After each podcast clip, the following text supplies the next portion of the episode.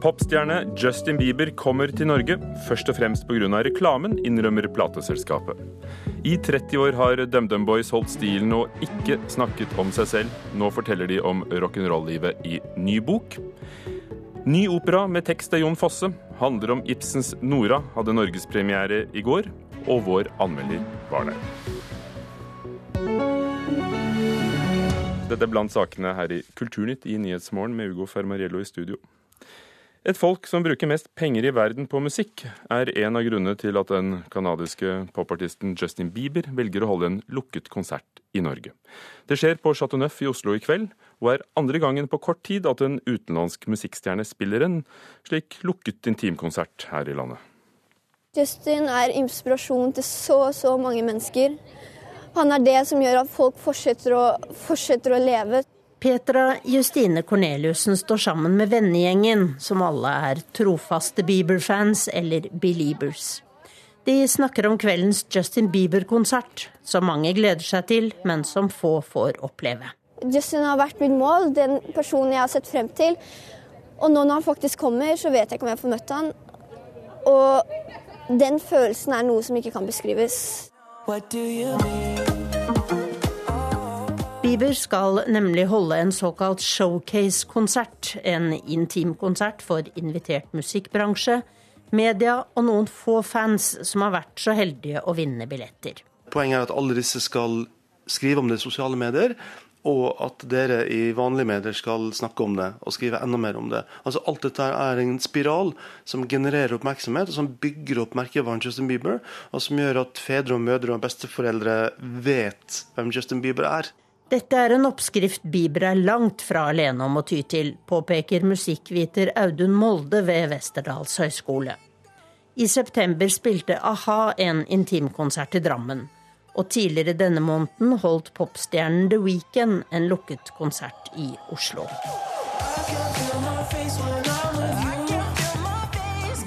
Norge er jo selvfølgelig et viktig marked og et godt land. og vi husker at Vi er det landet i verden hvor innbyggerne bruker mest penger på musikk per innbygger, så vi er et veldig lukrativt marked. Så selvfølgelig kommer sånne artister til, til Norge. Så Showcaser skjer jo hele tiden. Eh, det er ikke noe nytt fenomen. Det har vært i 80-90 år. Gjermund Moastuen er markedsdirektør i Universal Norge, plateselskapet til Justin Bieber.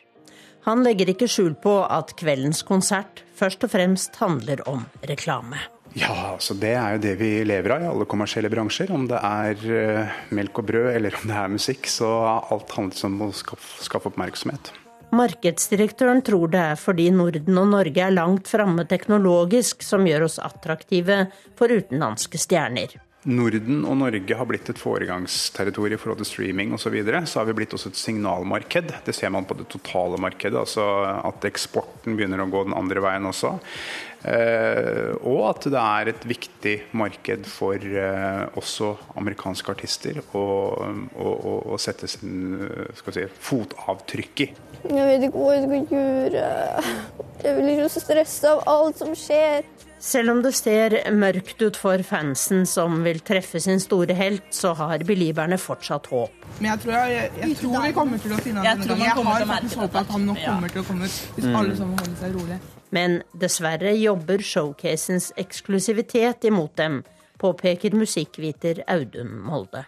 Den avstanden, altså den utilgjengeligheten, eh, skaper i seg selv noe pirrende, noe spennende, noe som gjør Justin Bieber-fenomenet interessant. Han må være utilgjengelig for å beholde den eh, spenningen og mystikken.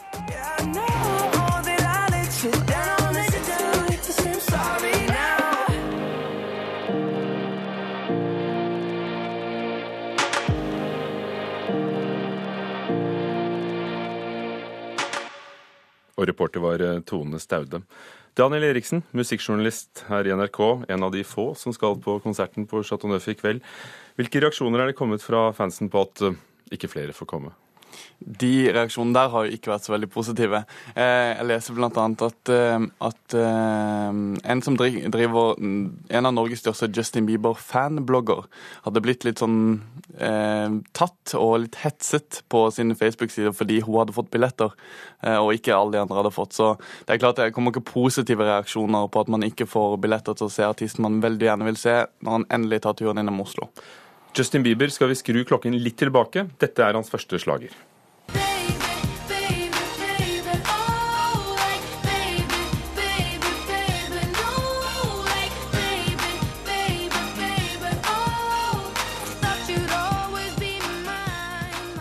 Hvordan ble han en stjerne? Han ble en stjerne bl.a. med den låta her. Eh, han ble jo oppdaga på YouTube og fikk en sånn pang-karriere. Og, og, ble kjent for og gjorde det veldig bra også, å spy ut sånne sånne helt beine poplåter, sånn som denne Baby Baby, som i sin tid var den mest sette videoen på YouTube. Helt fram til uh, Psy og Gang Gangnam Style kom og ødela festen.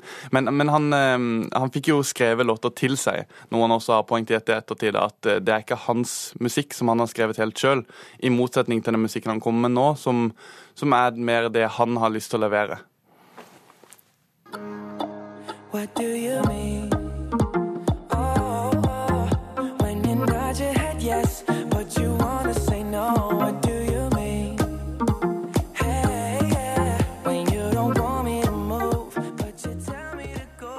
En av de siste låtene som er eh, sluppet fra Justin Bieber. Eh, hva sier kritikerne om hvordan det har gått? Eh, kritikerne sier må jo snakke på en litt annen måte. For før så, så som kritiker så snakker man på den måten at ja, dette, denne Baby Baby er helt fantastisk, for den, den går rett inn til den målgruppa den skal gå til. Nå ser man på Justin Bieber litt mer som en eh, kontemporær popartist. Og da, da, får han mye bedre kritikk for dette her. Han samarbeider med noen av de, de flinkeste i verden på på nettopp altså kontemporær popmusikk og EDM, eh, og det gjør han veldig bra. EDM? EDM, Electronic Dance Music, som er dette som, eh, som, det man tenker på ofte som popmusikk i dag. Og da har han fått med seg eh, produsenter, artister, DJ som Skrillex og Diplo. Hva betyr det for musikken hans, og ikke minst oppmerksomheten rundt ham? Han kan jo velge hvem han vil, eh, omtrent til å jobbe med, vil jeg tro. Men når han velger sånne artister som, som Skrillex og Diplo, så, så er det ikke det tilfeldig. De er veldig store innenfor eh, EDM-sjangeren begge to.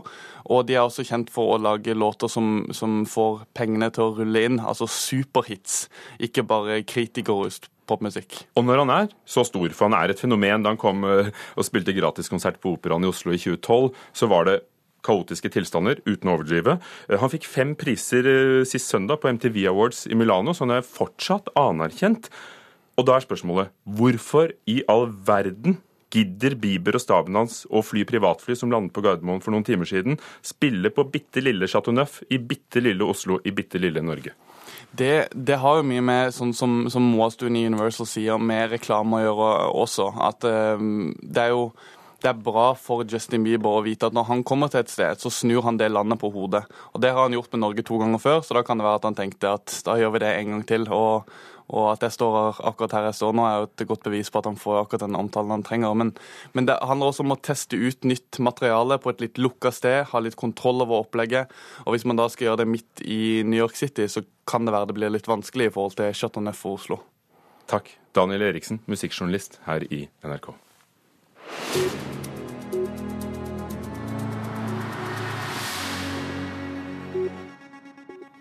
Carl Ove Knausgård åpner for at han kan, åpne, kan, begynne å skrive romaner igjen. Etter suksessen med Min kamp sa han at han ville gi seg som forfatter, men etter det har han begynt på fire nye bøker om årstidene. I dag sier han til Dagbladet at han har skrevet mye i ettertid av Min kamp, men ikke skjønnlitteratur. Men jeg fortsetter å skrive, og plutselig skriver jeg science fiction, sier han til avisen. Dette er et stykke norsk kulturhistorie som vi på Nasjonalbiblioteket både har plikt og vilje og ønske om å ta vare på. Det sier nasjonalbibliotekar Aslak Sira Myhre. Han har akkurat hindret 50 000 gamle norske hjemmesider fra å havne i Telenor. Ja, det skal handle om at nasjonalbibliotekaren Aslak Sira Myhre vil redde 50 000 historiske norske hjemmesider. Mandag skrev Aftenposten at Telenor skal legge ned folks hjemmesider fra internetts opprinnelse. Myhre reagerte sporenstreks, og mener han nå har reddet en kulturskatt, og nå skal vi høre ham. Dette er et stykke norsk kulturhistorie som vi på Nasjonalbiblioteket både har plikt og vilje og ønske om å ta vare på. Det sier nasjonalbibliotekar Aslak Sira Myhre. Han har akkurat hindret 50 000 gamle norske hjemmesider fra å havne i Telenors store søppelbøtte. På mandag fikk nasjonalbibliotekaren vite gjennom Aftenposten at Telenor har sendt brev til kundene sine om at hele tjenesten Min hjemmeside på homeonline.no skal legges ned.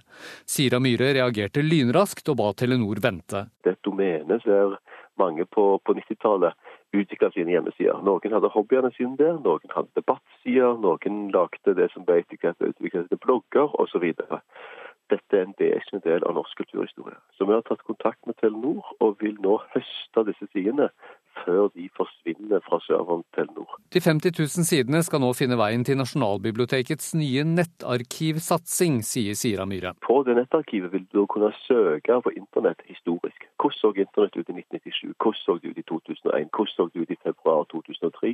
Osv. Og, og dette nettarkivet, når blir det tilgjengelig for publikum? Det er under utvikling nå, men vi må vente til forskriften for den nye pliktleveringsloven er ferdig, og det vil skje til neste år en gang.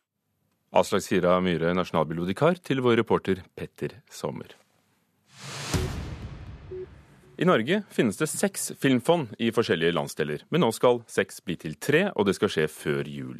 I Nord-Norge har det vært eh, to forskjellige filmfond, og Bjørn Eirik Olsen har jobben med å slå dem sammen til ett. Det vil styrke bransjen, påstår han.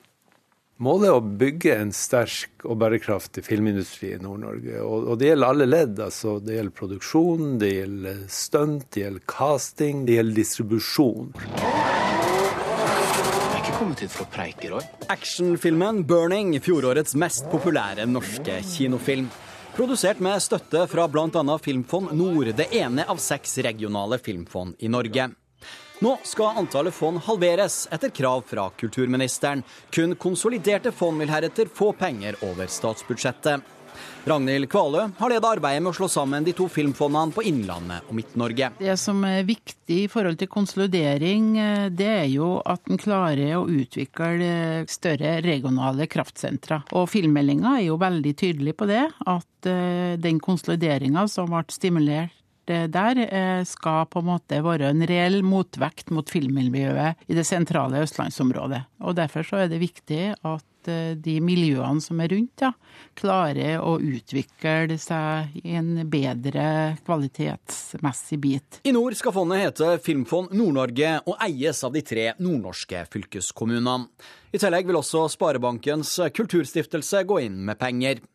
Fondet får kontorer i Bodø og Tromsø, men skal ikke i samme hus som resten av filmbransjen for å unngå trøbbel med habilitet. Isteden skal fondet samlokaliseres med nordnorsk reiseliv. Et nært samarbeid mellom filmbransjen og reiselivet er naturlig, bl.a. pga. den kommende insentivordninga, sier Bjørn Eirik Olsen. Da vil et sterkt nordnorsk samarbeid mot reiselivet kunne være med på å kan du si, berede grunn og legge enda mer til rette for å tiltrekke seg de her produksjonene til Nord-Norge. Også i resten av landet jobbes det altså på spreng med å etablere større regionale filmfond. Film 3 på Innlandet skal slås sammen med Filminvest Midt-Norge i Trøndelag. Fondet skal hete Filminvest 3 og får kontorer på Lillehammer og i Trondheim. På Vestlandet skal Føss i Bergen slås i hop med Filmkraft Fond i Rogaland. Fortsatt gjenstår detaljer rundt eierbrøk og finansieringsnøkkel, men når det er rydda på plass, vil man få et fond med muskler til bl.a. markedsføring. Det sier daglig leder for Føss, Lars Marøy. Det å ha en stor enhet som kan ha litt muskler til å markedsføre seg utad, eh, være til stede på eh, de relevante arenaene, f.eks. filmfestival i Cannes, og framstå som, eh, som en, en, stor aktør, er mye lettere enn å markedsføre to små. Og reporter her var eh, Rune Norgård Andreassen. 17 minutter over åtte, du hører på Nyhetsmorgen i NRK. Overskriften i dag. Utvalget som gransket dødsulykken under forsøksstykket som åpnet for det norske oljeeventyret, var en vits, mener sekretæren for utvalget. NRK har dokumentert at Arbeidstilsynet utelot, feilsiterte og endret informasjon. Mange unge kvinner er engstelige for livmorhalskreft, men opplever at leger er tilbakeholdne med å la dem teste seg. Og en 15 år gammel jente som har vært holdt fanget av terrorgruppen IS, ble frigjort onsdag av en kurdisk milits, melder svensk TV 4.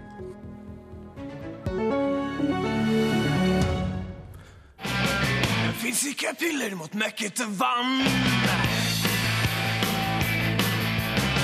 Det fins noen folk i fete biler men kur for alt. Jeg er en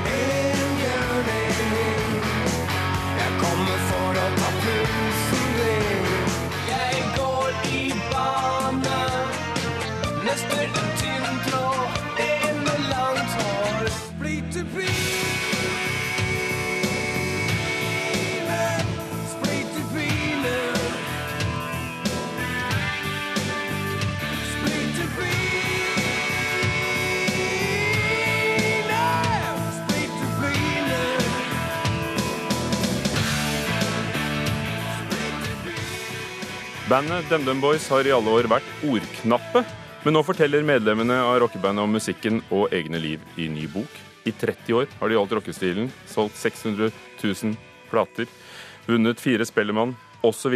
Kjartan Kristiansen, gitarist og låtskriver. Hvorfor vil dere snakke om dere selv? det er et godt spørsmål. Det har vært eh, flere henvendelser opp igjennom og, og folk som ville ha skrevet bok, og holdningen vår har vel bestandig vært at eh, skriver du bok om oss, så får du problemer. Nei da. Eh, det var flere til- tilfeller vi har holdt på i 30 år um, under eh, det navnet her, og, og så kom jeg litt i kontakt med Sindre igjen, og så han skriver jo bra. Så jeg gjør det nå. Det, det virka som et bra tidspunkt å gjøre det på.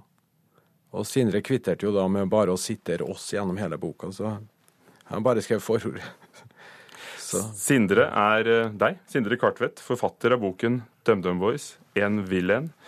Som en venn av bandet, hva, hvordan hjelper det deg, og hvordan hindrer det deg? Jeg tror eh, det hjelper i den forstand at du faktisk får tilgang på folk som ellers sånn, å, skulle gjøre en sånn såkalt uautorisert biografi av DumDum Boys tror jeg er en veldig utakknemlig oppgave. For det, ja, da, da er det en del dører som lukker seg automatisk. Um, I den grad det er noe hinder, så er det vel det at du ikke har noe slags objektivitet og ikke har noe slags sånn Jeg, jeg har aldri tenkt på det her som et stykke journalistikk, liksom. Nå hørte vi et knippe av de mest kjente sangene. Eh, Hva vil du si er det som har gjort bandet til eh, et av de aller største rockefenomenene i Norge? Det er jo en unik kombinasjon av, av nokså sånn klassiske ingredienser. Så, sånn, du har en strålende låtskriver, du har, en strålende, du har to strålende låtskrivere. Og så har du en strålende frontfigur. Og en knallhard manager. Og en knallhard manager. Det hjelper. Hva var det som møtte dere på, på landeveien for eh, 30 år siden, da dere begynte? Eh, da var det eh, Musikken gikk bakveien, og, og det var danseband og Hva skal jeg si? da? Du måtte på en måte hevde din, din rett. da. Det var f.eks. ikke en scene her, og dere får bare finne dere en plass her. Da skaffa vi en motorsag, og så fjerna vi det nødvendige, og så laga vi en scene. Um, Jeg syns jo det var en sånn fornøyelig eh, anekdote i boka om at det var et problem ute på bygda når de skulle spille, ha lydprøve under melketida, for da gikk eh, strømmen. Hva, hva gjorde at dere torde å satse og være mer proffe enn de fleste var? Det var en tid da det meste var hjemmesnekra. Ja, og mye av det vi for rundt med, var hjemmesnekra, det òg. Men uh, eh, jeg, vi så sånn på det. Det var bare et eventyr. Det var bare morsomt. Når skjønte du at dere var kjent? Det var en gang jeg gikk ned Markveien, og, og vi hadde nettopp gitt ut Splitter pinne. Og det kom liksom Splitter pinne fra flere vinduer.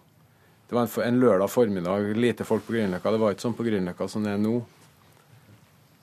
Eh, og det var Ja, den låta kom liksom fra flere plasser. Det, og det husker jeg syntes det var veldig rart. Det gikk med en sånn Hæ? For jeg var ikke, van- det var jeg ikke vant til. Et få år før det her så sto jeg og prøvde å selge plater vi hadde laga sjøl på gata i Trondheim. Med vekslende hell. da. Det var bare folk jeg kjente som kjøpte eh, meg. Men du ville vel komme dit at dere ble gjenkjent? Jo, men jeg har aldri reflektert over på den måten.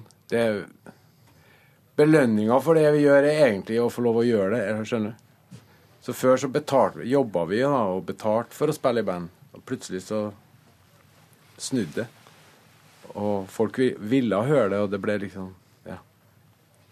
Sindre Kartvedt, det er en bok om rock'n'roll-livet. Det er også en bok som beskriver rus, personlig tap, eh, de skjebnene som, som er folk som er et band.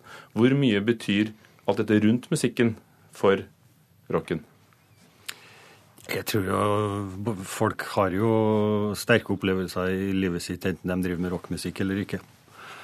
Så jeg tror eh, altså det, det er snakk om en periode på nesten 40 år. Så det, det rare ville ha vært hvis det ikke skjedde noe dramatisk underveis. Hmm. Når du leser, eh, leser resultatet, Kjartan Kristiansen, eh, angrer du, eller er du glad? Angrer på boka eller på livet mitt? Tenkte på boka. Nei, på boka. Jeg syns det var morsomt å Vi har jo Jeg har aldri visst Eller aldri visst hva de andre har opplevd, på en måte. Så det var morsomt å lese de andre sine versjoner av ting som har skjedd.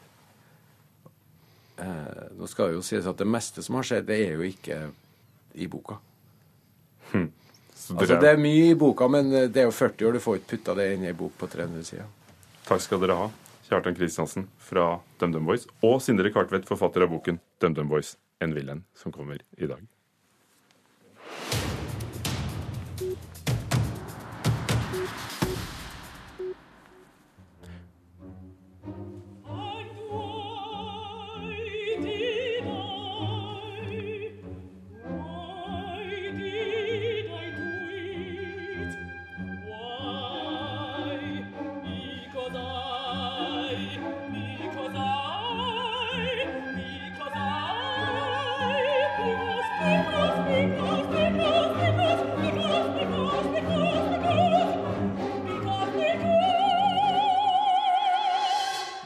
Går snakket vi om forfatter Jon Fosse fordi han hadde fått Nordisk råds litteraturpris. I dag fordi han har skrevet librettoen til eh, denne operaen vi hørte fra her, som hadde europapremiere i går. Verket heter Nora Too Late, Nora for sent, som hadde premieren sin i Norge i Stormen kulturhus i Bodø. Og musikken er av den unge kinesiske komponisten Du Wei.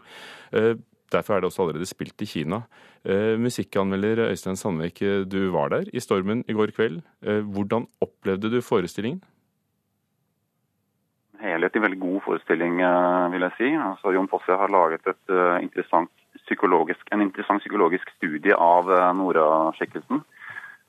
Denne var effektivt tonesatt av kinesiske Duwei i et moderat, moderne tonespråk, men med veldig ikke bruk av operatiske virkemidler. Eh, Scenografien var enkel, men med veldig kreativ og virkningsfull bruk av eh, lyd, lys og, og video. Og så var det solide solistprestasjoner over hele linja. Så dette, dette var en god forestilling. Jon Fosse fikk jo Nordisk råds pris eh, for Andvake-trilogien sin, altså romaner. Vi kjenner ham også ikke minst som dramatiker. Hvor vanlig er det at han skriver operalibretto? Nei, Det er ikke vanlig. Altså, det har jo vært flere operaer som har vært basert på Jon Fosse, både romaner og skuespill. Eksempel så har jo da bergenskomponist Knut Båge uh, bearbeidet 'Noen kjem til å komme' i operaform. Og så er det også en flunkende ny opera på trappene nå av Georg Friedrich Haas, uh, basert på 'Morgen og kveld'. Denne romanen den har premiere ved Covent Garden i London om et par uh, uker. Men så vidt jeg vet, så er dette altså denne Nora-operaen er første gangen uh, Fosse originalskriver en operalibretto. Så det gjør det også til en begivenhet. Nora for sent, heter det. Eh, Hva har Fosse gjort med Ibsen?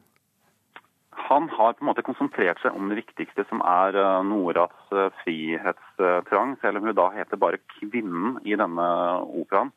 Eh, Og denne kvinnen er spalta i tre. altså Du har en gammel, du har en middelaldrende og du har en ung kvinne som alle er på scenen eh, samtidig, og som da spiller mot mannen. altså Vi aner jo Thorvald selvfølgelig i skyggene her.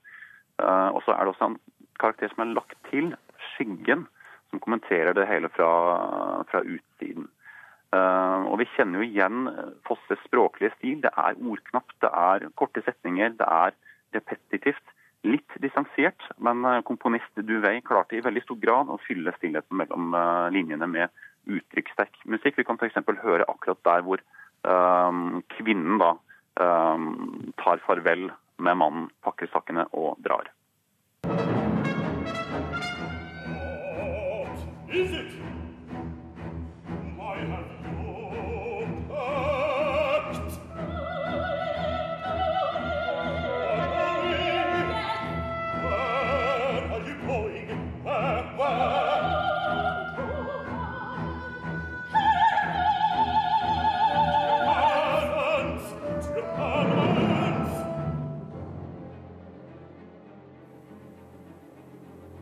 Hvordan eh, fungerer Øystein Sandvik eh, musikken til Du Duvei, komponisten? Altså, dette er ikke noe banebrytende musikk på noen som helst uh, måte. Hun sier jo selv også at dette er klassisk opera og ikke moderne samtidsopera. Uh, det er et tonespråk som minner om Bartok Stravinskij med en egen vri. Og til å være hennes første opera, så er jo dette svært sikkert skrevet, vil jeg si. Det er mye kammermusikalsk, økonomisk bruk av orkesteret som gjør at stemmene kommer veldig godt frem. Et internasjonalt solistensemble. Norske mezzosopranen Angelica Woie var den eldre kvinnen. Hvordan, hvordan fungerte de sammen? Nei, Det var gode prestasjoner over hele linja, ikke minst av Angelica Woie, som gjør kanskje den viktigste av disse kvinneskikkelsene. Den eldre som ser tilbake og innser at det var for sent. Livet ble aldri det hun hadde tenkt. En krevende rolle som til og med har diskré innslag av kinesisk operatradisjon, men veldig overbevisende fremført av Angelica Woie.